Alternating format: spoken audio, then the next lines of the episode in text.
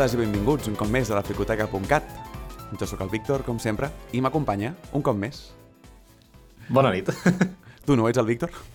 Pensava que anava a fer el típic joc de ah, jo sóc el Víctor i jo el Nacho. Oi, benvinguts tots a la fricoteca. Yeah! Crec que ha estat la introducció més caòtica que hem fet fins ara, però està bé.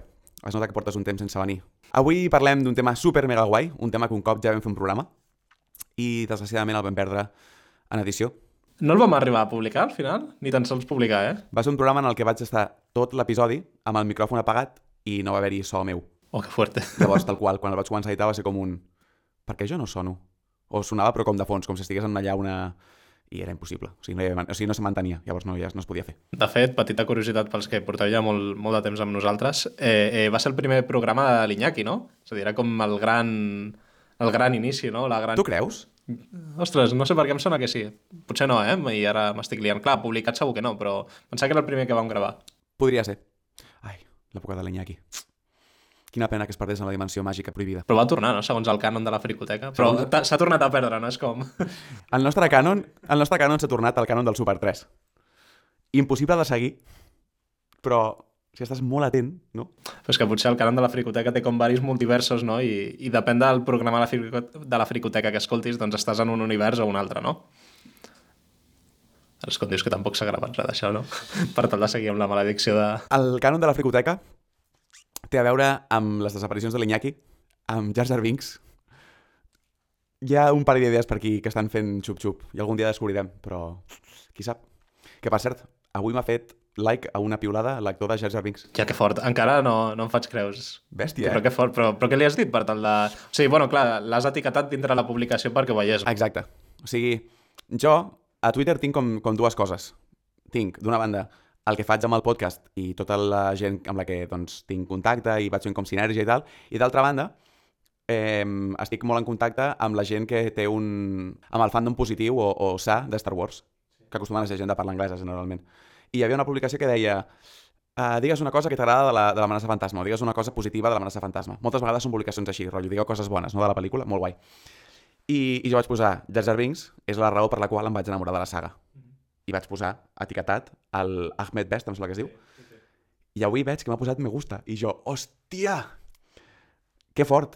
O sigui, Jar Jar Binks ha llegit les meves paraules i li ha posat un cor, ha posat m'agrada. Ostres, per tancar el cercle l'hem de, de convidar un dia. I t'imagines que en veritat parlar un català perfecte? És a dir, de- d'enciclopèdia de... Eh, com es diu? Eh, la- L'enciclopèdia típica catalana? La... No, no sé, ara em surt la Larus, però no, la Larus és la, la francesa aquesta, no? Hi ha com un, una enciclopèdia molt mítica o, o diccionaris, no? Que... A casa meva som de Madrid, per tant, aquestes coses no... Bueno, fricotequers, per, si sabeu de quin diccionari en català parlo, doncs ho podeu dir perquè ara, ara no em sona, ostres. Bueno, Ara és ja m'acabarà sortint. La resposta és... El diccionari. És com, ah, ah.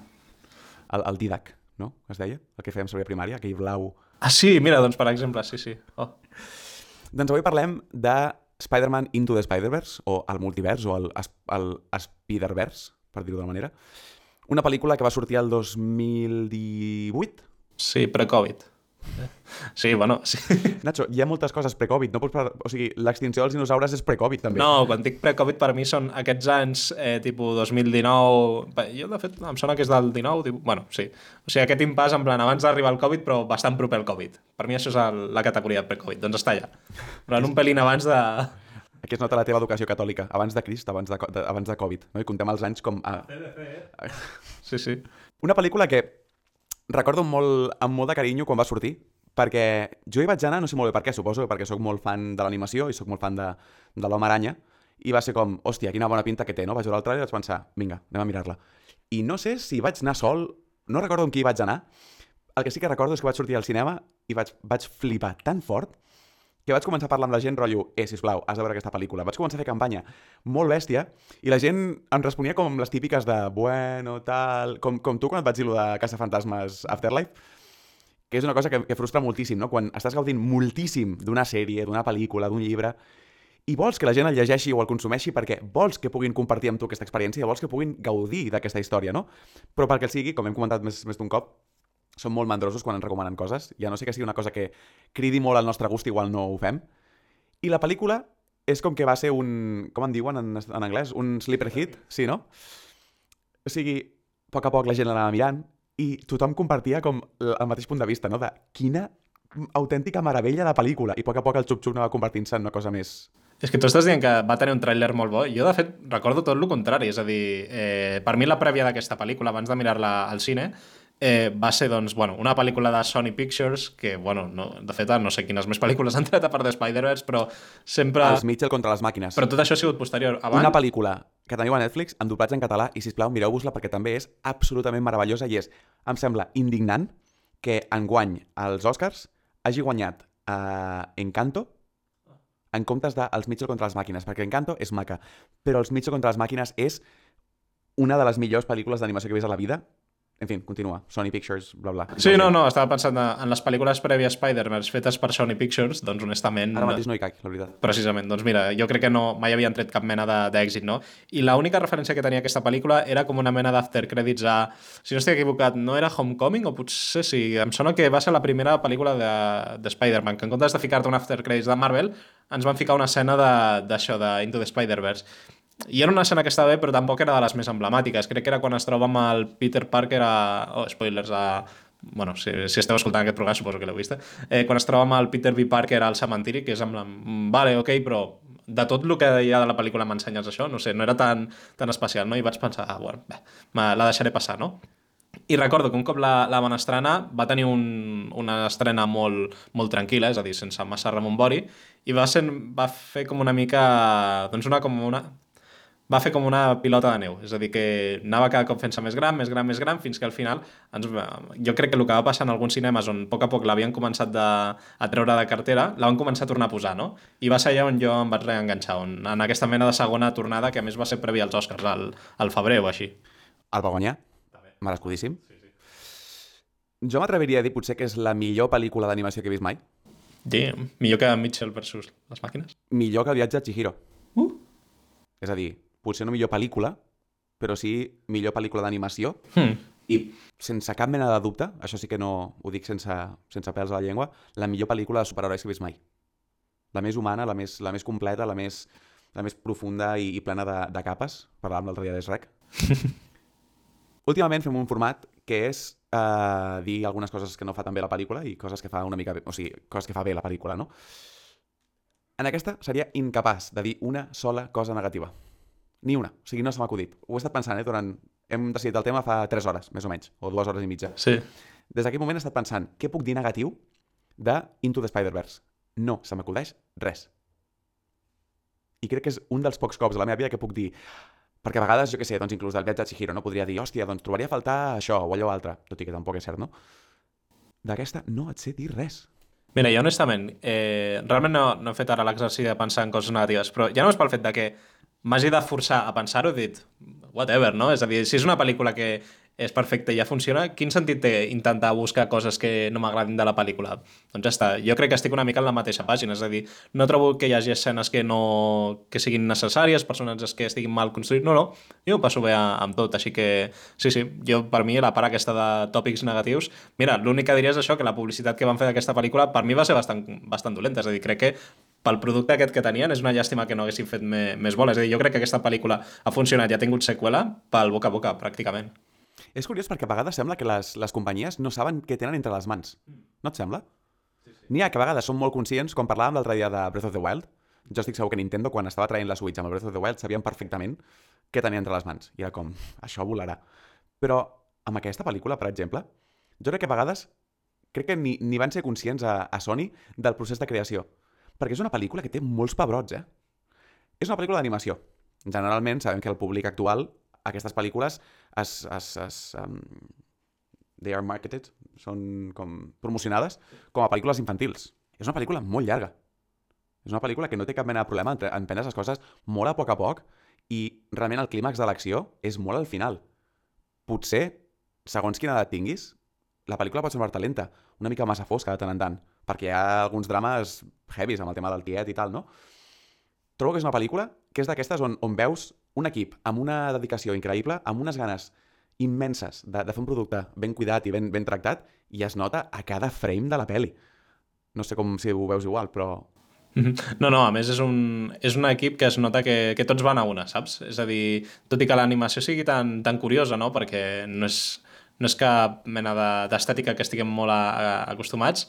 Està bé perquè eh, bueno, si mires en els vídeos del making of de la pel·lícula i tot això, es nota com volien recrear com aquesta estètica de còmic i en les escenes, per dir-ho així, normals, doncs feien que anés una mica com amb, amb talls de frame, és a dir, per tal de que fos com una mena de llibre, i en canvi en les escenes d'acció, eh, per tal de fer-ho bonic, doncs ho feien tot més continu, no? És a dir, hi ha una de feina darrere, eh, i no només visual, sinó també musical i, bueno, i també a nivell de, de guió, no? perquè, com deies tu, tot i ser una pel·lícula que es podria categoritzar com per nens, doncs són ca això, quasi dues hores i mitges amb trames de multiversos, que de fet, petita nota a part, jo de moment, encara, perquè em queden moltes pel·lícules per veure, no he vist una pel·lícula que tracti el tema de, dels multiversos no? d'una manera tan xula i tan ben feta, no? Ara, bueno, ha sortit una la de Everything Everywhere All at Once, que li tinc moltes ganes, però per algun motiu no l'estrena a Espanya. Ai, és veritat, sí, la d'Arts Marcials Chachihuachi. Dirigida per Daniels, els de Swiss Army Man. Estaves dient el tema de... Estàs parlant de l'animació i de la música, i mentre ho deies, el meu cap ha tingut un moment com de... Post Malone. Mm, sí, o sigui, per una banda, se m'ha enganxat un altre cop la cançó de, de Sunflower, perquè és un temazo. La vaig estar escoltant en bucle durant, durant mesos, perquè és boníssima. I també la, de, la que és més d'acció, la de What's Up Danger. I estava veient al meu cap frames de l'animació, coses com, per exemple, eh, com representen estèticament els pensaments de, del Miles, coses com, per exemple, el fet que la pel·lícula no deixa de ser una pel·lícula d'una coming of age story, no? És a dir, és un adolescent que fa el, el pas a la maduresa. Durant els primers dos terços de pel·lícula, abans que el Miles accepti o, o entengui la seva condició de Spider-Man, l'animació del Miles Morales va amb lag respecte a la resta de personatges. És com que té menys frames per segon que la resta de personatges i es mou com una mica més eh, aparatós en pantalla. I en el moment en què ell mateix eh, quadra amb qui és i, i descobreix qui és i és com que s'alinea i es, es balanceja el seu personatge, la seva animació es posa al nivell de les altres i té la mateixa dinamitat, dinamis, no, i té la mateixa fluidesa, fluidesa, ni- dinamisme, sí, que la dels altres Spider-Man. I això és un detall tan tonto que potser si no t'hi fixes no el veus. Però és que aquests són els millors detalls. El Nacho gairebé explota intentant aguantar-se la tos. Intro tos. O sigui, m'encanta quan el, la, la gent que, que, que crea la pel·lícula, no? les creadores i creadors d'una obra d'animació, per exemple, la carreguen de petits detalls, de cosetes que a cada cop que la vas veient vas descobrint i vas pelant-la, no? Això és fantàstic. Ho dèiem amb el viatge a Chihiro. Les pel·lícules que milloren amb els diferents visionats, que això m'ha passat, per exemple, amb aquesta, el viatge a Chihiro, amb Fantàstic Mr. Fox, de, de Wes Anderson. bueno, de fet, amb totes les pel·lícules de Wes Anderson són, no sé, conviden molt a veure-les més d'un cop, però aquesta especialment és tan deliciosa de veure, hi ha tantíssims minigags que potser els perds en un moment i estan en un segon plànol, però no hi, don, no sé, no hi poses atenció i al segon cop dius, hòstia, que estan fent això. I això és com la pel·lícula es va, és com un nou kinder, no? Hi ha un petit detall que em fa molta gràcia. Eh, clar, el món del Miles Morales no és el que estem acostumats nosaltres, no és com el món de Spider-Man, però més, bueno, diferent, loco, un altre univers, no? Eh, fa molta gràcia el preu de les hamburgueses, que cada hamburguesa val com 300 dòlars, o així, si et mires en aquest detall del menú. I, clar, el fet de que ho hagin posat vol dir que ells ja sabien que ningú li donarà temps a veure aquest detall quan estan al cinema, no? Perquè és impossible, estàs pendent de la conversació, no? Però està ple de moments així de, de bueno, de com que està en un altre univers, doncs et fiquem aquest petit detall que si has vist la pel·lícula 20 vegades, doncs aleshores allà sí que eh, t'hi fixaràs, no? Si no, no. Doncs jo no m'hi he fixat. I de fet m'ha semblat molt graciós quan ho has dit. Que de fet és una cosa que volia comentar, l'humor de la pel·lícula. Jo ja sé que l'humor és una cosa molt personal i a vegades, doncs, a tu et fa molta gràcia Ricky Morty i a mi personalment no. I són coses que són personals i està molt bé, no? Aquesta pel·lícula a mi em fa molta gràcia. Tot. És a dir, des de la relació del Miles Morales amb el seu pare, que és, és molt entranyable, però alhora amb aquesta incomoditat adolescent. Amb la Gwen, també, que tenen un parell de moments de... Hòstia, és que sou tan adolescents. Jo que treballo amb adolescents com a, com a professor i els he vist a vegades interactuar en aquesta incomoditat social que a vegades no acabes de saber quin és el teu lloc.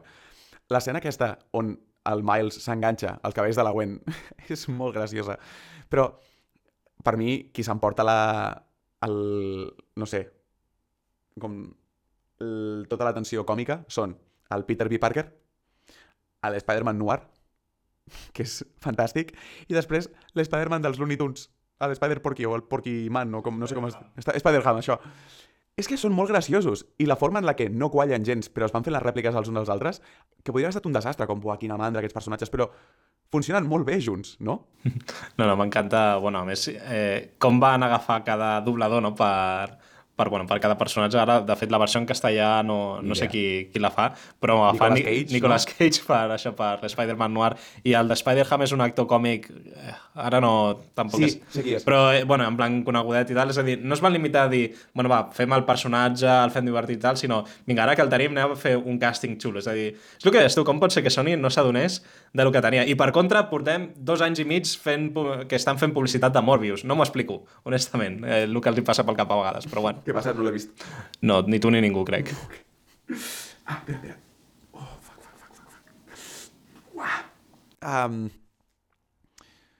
perquè, per exemple, el personatge de, de Spider-Noir, gairebé tota la seva comèdia, no, en cap moment és el, el centre de l'atenció. És a dir, a la pel·lícula de, de l'ascens de Skywalker, jo sempre dic que una cosa que m'encanta és que el C-3PO està supergraciós, aquella pel·lícula. Però sempre és, quan ell fa una broma, està al centre. Aquí, l'Spider-Noir és el còmic relief en moltes escenes, però ho és d'una forma que si no li, no li dones atenció ni te- ni t'assabentes del que està dient.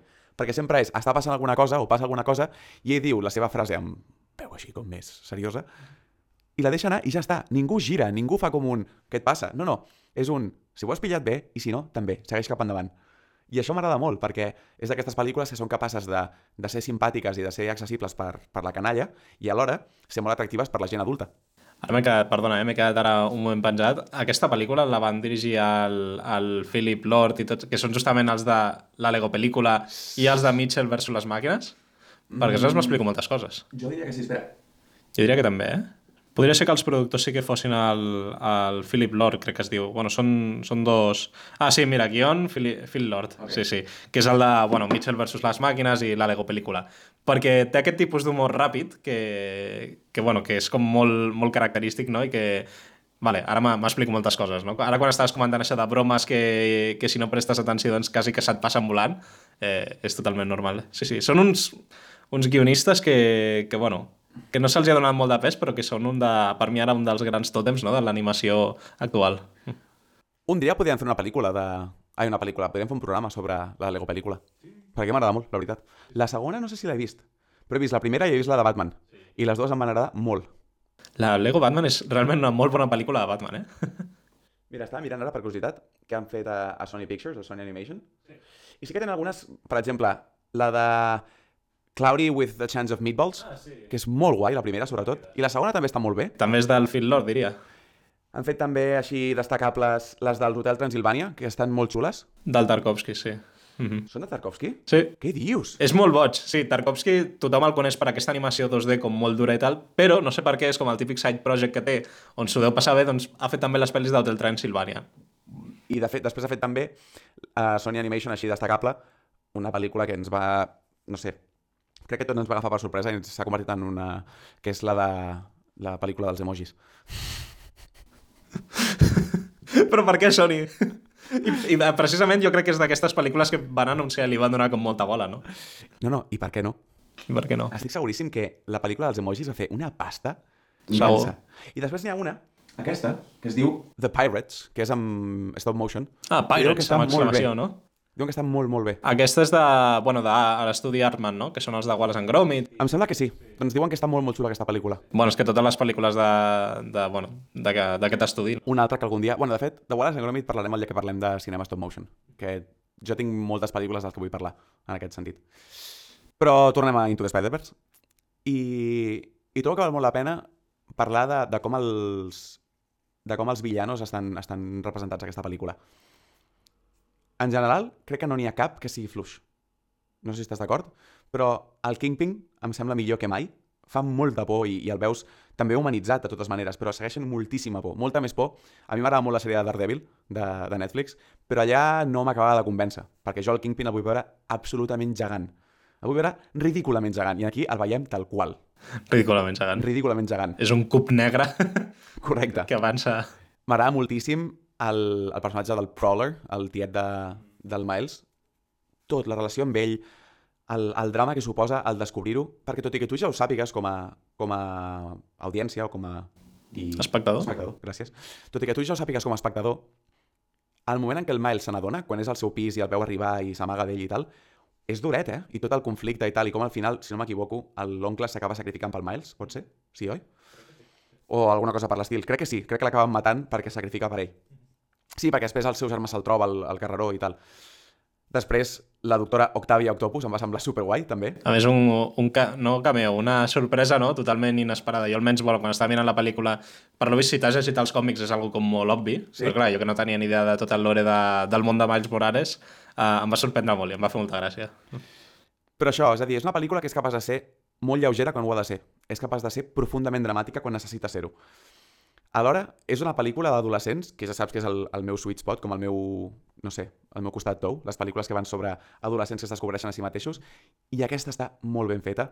Llavors, per això potser dic que és la millor pel·lícula de superherois, perquè l'acció és increïble, la, tot el viatge de l'heroi és, és fantàstic, però alhora és una pel·lícula molt humana, molt entranyable, molt dura, molt, molt colpidora de, collons, que sap trobar-se a si mateixa a nivell emocional. I això és una cosa que trobo que és, que és molt difícil de fer, ben fet. Sí, perquè les pel·lícules de superherois sobretot es focalitzen en la part de l'acció o de l'argument de ciència-ficció flipat. Aquí jo crec que tenim de tot. Tenim acció, ciència-ficció, evidentment, eh, però també tenim personatges, eh, tenim drama, tenim amor, tenim, bueno, eh, música, tot. Un amor molt ben escrit, també que això també és una cosa que és complicada de fer. No sé si te'n recordes, quan vam fer l'episodi d'Escudella d'MCU, sí Parlàvem de que algunes pel·lícules, com per exemple la primera de Capità Amèrica o la primera d'Iron Man, són pel·lícules molt competents, però en l'últim acte, com han de tirar d'acció, s'acaben convertint una mica en pel·lícules estúpides, no? Però en aquesta, el clímax de la pel·lícula està... O sigui, se'l mereix tant, la pel·lícula, crec. Hi ha tantíssimes emocions, hi ha hagut tantíssima, tantíssima evolució dels personatges al llarg de la història, perquè no ens oblidem que tenim cinc protagonistes, em sembla. Tenim el Peter B. Parker... I bueno, sí, sí cinc... Tenim el Peter B. Parker, mm -hmm. tenim el Miles, tenim la Gwen, tenim el Noir, tenim el Porky... Ah, i l'anime, sí. la noia anime. Sis, Spider-Man. I és veritat que no tots tenen el mateix desenvolupament, perquè seria impossible en una pel·lícula de dues hores o, o així, però en l'Spider-Man adult, el, el que és una mica així més... Exacte, veiem una evolució. I al final podria haver estat molt fàcil deixar-lo com aquest personatge ridícul que fa gràcia, però no també li donen un, un espai perquè tingui la seva resolució. I per això crec que l última escena de la pel·lícula, la gran batalla que està plena de colors en la dimensió trencada, és tan guai, perquè a part d'estar molt ben animada i és un espectacle visual a nivell musical i tot, tens, estàs tan ficat en la història i en el conflicte dels personatges que cada escena d'acció és com, oh Déu meu, i estàs patint pels personatges perquè el cabron del Pink, el Kingpin té moltíssima força, perquè no sé què li passa a aquest home, però està amazadíssim. Suposo que perquè és bàsicament una roca, no? Sí, la gràcia del Kingpin no és que estigui gordo, és que realment tot allò és múscul, no? Em fa, a més, molta gràcia que aquesta pel·lícula agafi el Kingpin com a gran villano, no? Perquè Kingpin, honestament, en els com... Bueno, o sigui, vale, sí, és un dels villanos de Spider-Man, però no el posaries com el top número 1, 2 o 3 o 4 o 5, no? No sé, per mi sempre ha sigut com el més, en plan, tirant a, bueno, thin sí, level, però bueno, uh, està bé, sí, sí. No hi estic d'acord. Sí, tu creus que el Kim Bean està en els, de, en els top de Spider-Man? Jo crec que sí. En la sèrie d'animació dels 90? Sí, però sempre com el mafiós de turno, que bueno, que està aquí, però realment qui l'estava qui estava liant la troca sobretot era pues, el, el teu, el Green Goblin o l'Octopus o un d'aquests. O el Venom. A mi potser és que m'agrada molt pel fet que no és, no és cap mena de super estrany per l'estil, sempre és una persona amb moltíssim poder i, i el seu poder ve d'això, de tenir moltíssim poder, no? I de com ell mateix manté la roda de, de ser el, el capo de Hell's Kitchen. Tinc moltes ganes de veure alguns crossover, que això serà segurament en, la, en les pel·lícules d'acció real, no? Però tinc moltes ganes de veure un crossover ben fet entre Spider-Man, per exemple, el de Tom Holland, i el Daredevil, que de fet ja ho vam veure. Sí. Però m'agradaria veure'ls col·laborar, perquè Daredevil m'agrada moltíssim també i és com... Sí, en els còmics a més tenen com bastanta, bastants còmics eh, en plan en equip, no? Crec. Bueno, Sí, sí, sí, són, són... Aviam, no deixen de ser dos superherois que viuen a la mateixa ciutat i tots dos tenen aquesta qualitat de històries més petites, que trobo que és el que, els que els fa més, més relatable. Com es diu això? Empàtics, no? Sí, que els fa més fàcils d'empatitzar. Perquè no estan lluitant contra Galactus ni res per l'estil, estan lluitant contra això, un Kingpin, no? una persona que, tot i que és irreal completament, no deixa de ser una persona amb moltíssim poder, que podria ser, per exemple, un, Manuel Faraga, no? Jo què sé, ho parles What? ok. Mira, abans eh, que parlaves de les qualitats del Peter B. Parker, no? Ara et volia llançar una pregunta, per curiositat. Aquest personatge, dintre de, del teu cap, per tu no era com la continuació de lo que hagués sigut el famós Peter Parker de les pel·lícules de Sam Raimi, és a dir, de, bueno, de les originals de, eh, dels anys 2000. No sé, jo quan mirava la pel·lícula deia, vale, aquest és el futur que probablement aquest Spider-Man que vam veure, que honestament no és que fos molt, molt brillant com a persona, doncs com hagués acabat, no? I jo crec que els autors ho, ho sabien i, i ens van llançar aquí com una mena de, de hueso, no? En plan, moda. Absolutament. O sigui, jo crec que és, que és una cosa que està feta de manera que és com, volem que ho veieu. No podem dir de forma espe- específica, no podem dir-ho de forma explícita, però era, era la seva intenció, crec jo. I és més, crec que la pel·lícula que hem vist última de, de Spider-Man, la de um, No Way Home, crec que no haguéssim tingut la minitrama aquesta del Peter de, del Tobey Maguire dient que intenta estar millor, intenta com treballar les seves coses, si no haguéssim tingut l'Spider-Man del Peter B. Parker de Into the Spider-Man. És que està molt bé, perquè aquest personatge precisament el que està fent és una mica com salvar-te o, o tancar-te l'arc de, de l'Spider-Man de les pel·lícules originals, perquè sempre, clar, tu quan acabes es- Spider-Man 3, bueno, sí, hi ha hagut una mica d'evolució en quan el Spider-Man doncs, deixa aquesta mena de costat fosc i tal, però bueno, deixa cap al final de la pel·lícula, no sé, no, no t'ho acabes de creure massa, no? I acabes com la, la saga de Spider-Man amb un Spider-Man una mica... Pff, doncs vaja. Ja vam dir en el seu dia que a mi de les coses que menys m'agrada d'aquestes pel·lícules és que són una mica capullos, els personatges. I aquesta trobo que és justament el contrari. Inclús els personatges poden ser una mica més secs o una mica més així... Sempre són molt amables entre ells. I ja sé que això és com molt el meu tipus de pel·lícula, no? però m'agrada que els personatges s'estimin i que es donguin de la mà. I hi ha escenes molt d'autèntica llàgrima, aquesta pel·lícula, i això és molt guai. No sé, inclús en coses com, per exemple, quan visiten la, a la tia May, de l'Spider-Man que s'ha mort en aquest univers. És molt, no sé, és molt guai tot. I el moment en què es mor l'oncle i el seu germà se'l troba i tot, i que porten no sé quants anys sense parlar-se perquè són com oposats en molts sentits. La pel·lícula té molts moments de... Ara ens parem un momentet i ens donem un segon perquè aquesta escena foti l'hòstia emocional. I per això deia abans que té molts, molts nassos la pel·lícula. Perquè crec que molta gent no s'hagués atrevit a fer-la així. De fet, crec que és la prova que la majoria de pel·lícules són o bé massa jiji jaja o massa acció o ja totalment drama. Però ser capaç de mantenir aquest equilibri entre, entre drama i acció i entre drama i comèdia és el que potser la fa més complexa que altres. I estava pensant una cosa ara. Fa un temps em va fer una pregunta i no et vaig saber donar una resposta satisfactòria, com a mínim no per mi. I ha anat fet run-run al meu cap, la pregunta. Em vas dir, si poguessis deixar una pel·lícula sense tocar mai més i que no se'n fes una segona part, quina seria? Oh, vale, vale. Aquesta. Spider-Man Into the Spider-Verse. Tens molta por per la, la seqüela anunciada? Saps què passa? Que hi ha coses que es poden fer un cop a la vida. Hi ha miracles que es fan un cop a la vida. Que hi ha gent que és capaç de fer dos, tres i cinc miracles. T'estic mirant a tu, Eiji Aonuma, i t'estic mirant a tu, Ursula K. Le Guin. No els estic mirant, no són aquí, però ja m'entens. És que t'has que t'has quedat mirant com. O sigui, hi ha gent que és capaç de crear obres mestres 3, 4, 5 i 10 vegades a la seva vida. Però tinc moltíssima por, perquè la primera pel·lícula és tan rodona que prefereixo mil cops que no la toquin mai a veure potser tres pel·lícules d'Into the Spider-Verse i que siguin... És que és el que em diem més rec. Hollywood no entén les coses quan tenen èxit i el que fa és intentar replicar la fórmula reduint-la com als quatre elements que creuen que han funcionat i aquests elements no funcionen en si, funcionen perquè han tingut... Ah, no sé. Vale, detallem aquest punt, perquè el tema està en què jo crec que sí que serien capaços de replicar una obra mestra, però el problema no serà dels autors, sinó dels productors de turno, Seguríssim. que diran, ostres, que això dona diners, vinga, va, doncs anem a mirar més en sèrio aquesta pel·lícula i per, simplement per justificar la seva, el seu salari de manager, doncs aniran proposant canvis en plan, ah, bueno, això està molt bé, però i si per tal de doncs, ser més atractius cap a la demografia dels 25-30 anys introduïm aquest concepte més edgy? I, bueno, ja s'ho aniran carregant a poc a poc. Et juro que tant de bo pogués introduir memes en aquest format d'àudio, perquè el mem de la culpa és del capitalisme, amb el tio fotent el martell, saps? Per aquestes situacions el necessito. Perquè és que s'ho carreguen tot. No entenen res. És a dir, ah, quin mal... Per favor. Li ha fet tan mal al capitalisme. Sí, exacte. Joder. Gent, no jugueu a vòlei platja. És molt mala idea.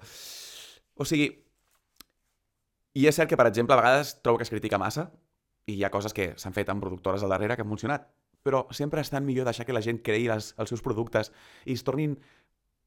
Estic somrient perquè fa dos dies dèiem que... Fa dos dies, no? Aquest concepte. Ja el temps és... El lore del temporal de la fricoteca també és molt loco.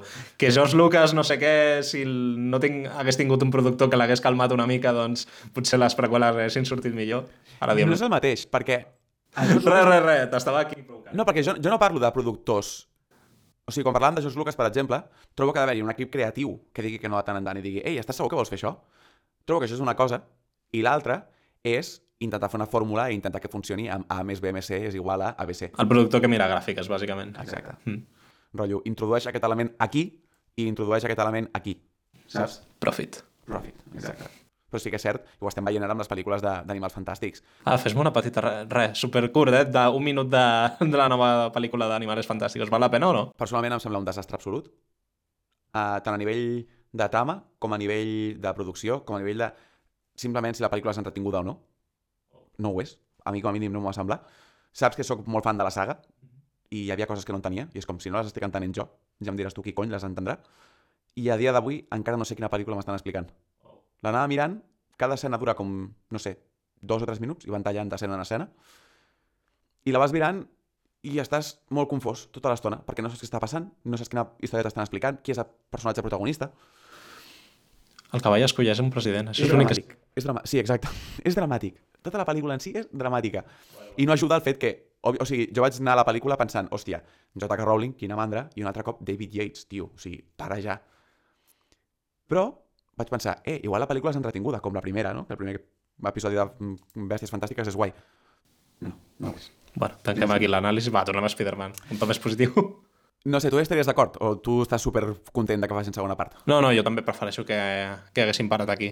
Eh, perquè sí, perquè és lo de sempre, perquè estic segur que amb l'objectiu d'intentar emular potser No Way Home, eh, doncs es forçaran ara a fer un festival de cameos, que potser quedarà una mica fluix. No festival de cameos, sinó que potser eh, li donaran tanta importància al concepte de multiversos, que no era per mi especialment el que feia la pel·lícula de Into the Spider-Verse. És xulo, evidentment, però la pel·lícula no s'aguanta per simple fet de veure més Spider-Mans, que està bé, però bueno. Oh, Et recordo que no he vist el tràiler. mm, el tràiler és, és res, eh? Mm, mm, Però saps com es diu la pel·lícula, no? no. No no com es diu... Bueno, No. Bueno, vale. Però t'acabaràs enterant del títol. No. Vale, vale. Aniré al cinema... ah, La, la, la. Què pel·lícula vas a veure? No ho sé. Una que surt l'Spider-Man. Ai, m'acabo de recordar del crític de cinema que anava al cinema sense veure la pel·lícula i el que anava sense escoltar-la. Ai, quin concepte. El fet de que un crític doncs això, només vulgui apreciar la imatge pura i dura, no? No l'àudio, i que, per tant, estigui tota la pel·lícula cridant com un boig per tal de només apreciar les imatges. Oh. No, que això em recorda a Nintendo, que ara ha dit que el títol de Breath of the Wild 2 és un spoiler, el títol, i és en plan, a veure, Mongers, com voleu que, en plan, que la gent compri el joc, és a dir, que vagi a la botiga, estigui així, en plan, com els, com els burros, no?, amb una mena de, com de, com dir-ho, de teles, no?, que li tapen els ulls, que vagin en línia recta, vegin allà la Z de Zelda i diguin, vale, vale, és aquest, i que connectin el, el disc, es posi la pantalla inici, però tampoc la puguin mirar, no?, perquè sortirà el títol. Doncs el mateix amb aquesta pel·li, Víctor. Et puc dir una cosa que m'ha indignat moltíssim aquesta setmana? Digues, digues. Mira. Mira. Mira. Mira. Mm, Mira. Mm, Mira. Digues, digues. Estàvem fent... Era, doncs, estàvem celebrant Sant Jordi aquesta setmana i a un, un dels dies a classe... Sant Jordi, però no estem al Nadal, ara. Depèn de a quin univers estiguis. Estàvem celebrant Sant Jordi i... De fet, això és una cosa que fan molts podcasts, ho sabies? Sí. Graven programes, els que no els importa el tema de... perquè no van per estrenes i tal, graven programes i els publiquen quan els surt dels Toto. O sigui, Jo estic ara escoltant un podcast australià eh, que em fa molta gràcia perquè expliquen que el caso, els casos de Covid allà a Austràlia s'ho segueixen prenent molt en sèrio i van veure que hi havia un altre lockdown potent eh, ara al març i al març van fer com una mena de triple sessió durant 3 dies de gravar a muerte, com 15 capítols de podcast i ara estem, doncs això, entrant al maig i encara estem en la, en la fornada d'aquests 3 dies, no? doncs estàvem així parlant de llibres i tal, i vam fer una activitat que vaig fer, ok, que cadascú de vosaltres recomani a la resta de la classe o bé un llibre que us hagi marcat moltíssim o un autor o una autora. I algú es va dedicar a repartir spoilers, no? No? Ah. No, no, no, encara més greu. Vaig dir, sobre... perquè a més ho vaig dir, no feu spoilers, saps? M'agrada aquest llibre perquè no. I, I una va i diu, jo és que només llegeixo els llibres si em fan spoiler del final. Ah, si te l'expliquen? Sí. Sí, al revés, eh? És a dir, ella deia que només inverteix el temps en llegir-se un llibre M'està frustrant molt aquest comentari, eh? està fent un facepalm de treure les ulleres i tot. I ella deia, no, no, o sigui, jo necessito saber com acaba el llibre, o com a mínim, un dels grans moments claus de quan es mor aquest personatge o quan aconsegueixen tal cosa, perquè em valgui la pena llegir-me el llibre. Perquè si me'l llegeixo i no passa res que m'agradi o res que em sembli suficientment fort, em sembla una pèrdua de temps. Quina vida més avorrida, mare meva. O sigui, ho estava dient i estava com la seva millor amiga a la classe també. I la seva millor amiga estava dient que sí amb el cap com, sí, sí, o sigui, entenc la reacció que esteu tenint tots ara mateix perquè jo la vaig tenir fa uns anys i deia, sí, per exemple, uh, l'altre dia vaig començar a llegir, uh, no sé què em va dir, si la... Ah, sí, em va dir que havia començat a llegir la, la sèrie aquesta de La Roda del Temps, sí. que són com 17 llibres o 19 llibres, una cosa per l'estil. Li han dit al final que són 19 llibres. És a dir, perdona, a mi em va semblar al·lucinant. Jo que sóc una persona que cada cop em torno més al·lèrgic als spoilers, és a dir, igual Spider-Verse no l'hagués mirat si no hagués mirat el tràiler. I en aquest cas, com deies tu, no era gran cosa i no em va sorprendre moltíssim. Però jo ara mateix, per exemple, de la segona pel·lícula d'aquesta saga, no vull saber-ne res. Vull anar al cinema, De fet, ni la vols veure, per tal de no contagiar-te dels spoilers ja ni miraràs la pel·lícula. la pel·lícula passarà al meu cap i el meu headcanon serà l'autèntic. No, però és veritat. És a dir, la primera pel·lícula va ser un Carmel tan, tan inesperat que li vull donar l'oportunitat a la segona també de sorprendre'm tantíssim. I possiblement no serà tan guai com vull que sigui, i estic intentant que el hype no se'm mengi per dins, però si ho és, les aparicions de X personatges o el títol, que és un spoil... Ah, no, això era del... No, no ho és. Perdó, És perdó. el títol d'aquesta... Va, digue'm com es diu. Across the Spider-Verse, ja està. Hòstia puta, Nacho, vaya spoiler. No. No. Ara és quan Across és un... És un, són les sigles de...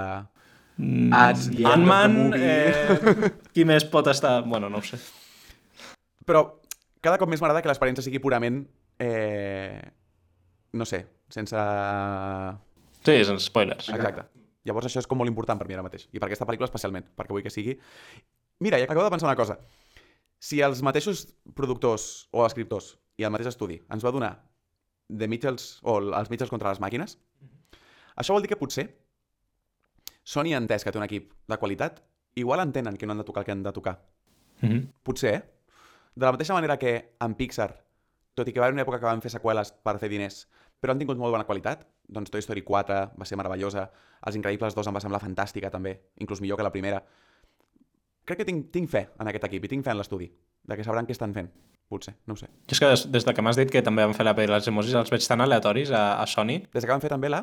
que, que Sonic Pictures també havia fet la pel·lícula dels emojis, els veig com molt totalment com contraposats, no? és a dir, llencen una moneda i potser et cau cara doncs, el productor enrotllat que et deixarà fer una mica el que vulguis, et cau creu i et toca el productor que va estar Pot darrere Emoji Movie. Pot ser, però crec que les pel·lícules que havien fet abans d'Emoji Movie bones eren guais, però més aviat com, com joies ocultes, d'alguna manera. Per exemple, que deia abans, la de...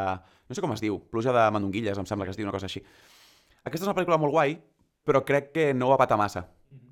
La pel·lícula dels emojis va fer molta pasta, però és una pel·lícula que tothom s'ha oblidat d'ella immediatament. En canvi, aquestes, crec que quan van fer Spider-Verse, crec que van adonar-se que tenien un miracle entre les mans. I llavors, no crec que sigui casualitat que els cont- els Mitchells contra les màquines sigui tan bona. És a dir, crec que hi haurà un abans i un després de Spider-Verse. I està clar que crec que no intentaran fer més pel·lícules com la dels emoji. I si ho fan, ho faran amb un equip que són capaços de fer alguna cosa realment ben feta. No l'he vist, eh, la pel·lícula, és a dir, estic parlant sense coneixement de causa. Però tampoc crec que la vegi mai, sincerament. No crec que perdi el temps en veure aquesta pel·lícula. Jo no tinc gaire cosa més a dir de la pel·lícula, simplement que, sincerament, és a dir, igual hem fet spoilers, però crec que és tan bona que igualment no importa. Crec que importa més aviat com els personatges arriben al seu clímax i com... No, perquè tampoc és una pel·lícula que depengui de les grans sorpreses, és a dir, No, perquè tu saps des del principi, per exemple, que l'oncle és el dolent. Sí, li senta superbé el fet de que no hi hagi ni escenes postcrèdit ni de mandangues vàries d'estar connectades a un món eh, descomunal de, de personatges. No, no, és aquesta pel·lícula i ja està. No té cap mena de, de gran sorpresa. Jo la recomano per canalla, per famílies, per grups d'amics, per veure la teva parella. Que coneixes una persona que, jo què sé, vols introduir algú al cinema de superherois? Comença per aquesta. Vols introduir algú, algun adult que ja no li agradi l'animació a l'animació? Comença per aquesta. O sigui, és una pel·lícula fantàstica en tots els sentits i crec que no hi ha ningú que pugui dir uh, quin pelmazo. Oi, oi, oi. I mireu-la en japonès, com a més rec. Spider-Man, Into the Spider-Verse. Ha sonat com italià, això. Spider-Verse. Questa cosa, Spider-Verse. En fi, això ha estat la fricoteca per avui. Esperem que us hagi agradat. I fins a propera. A reveure. A reveure.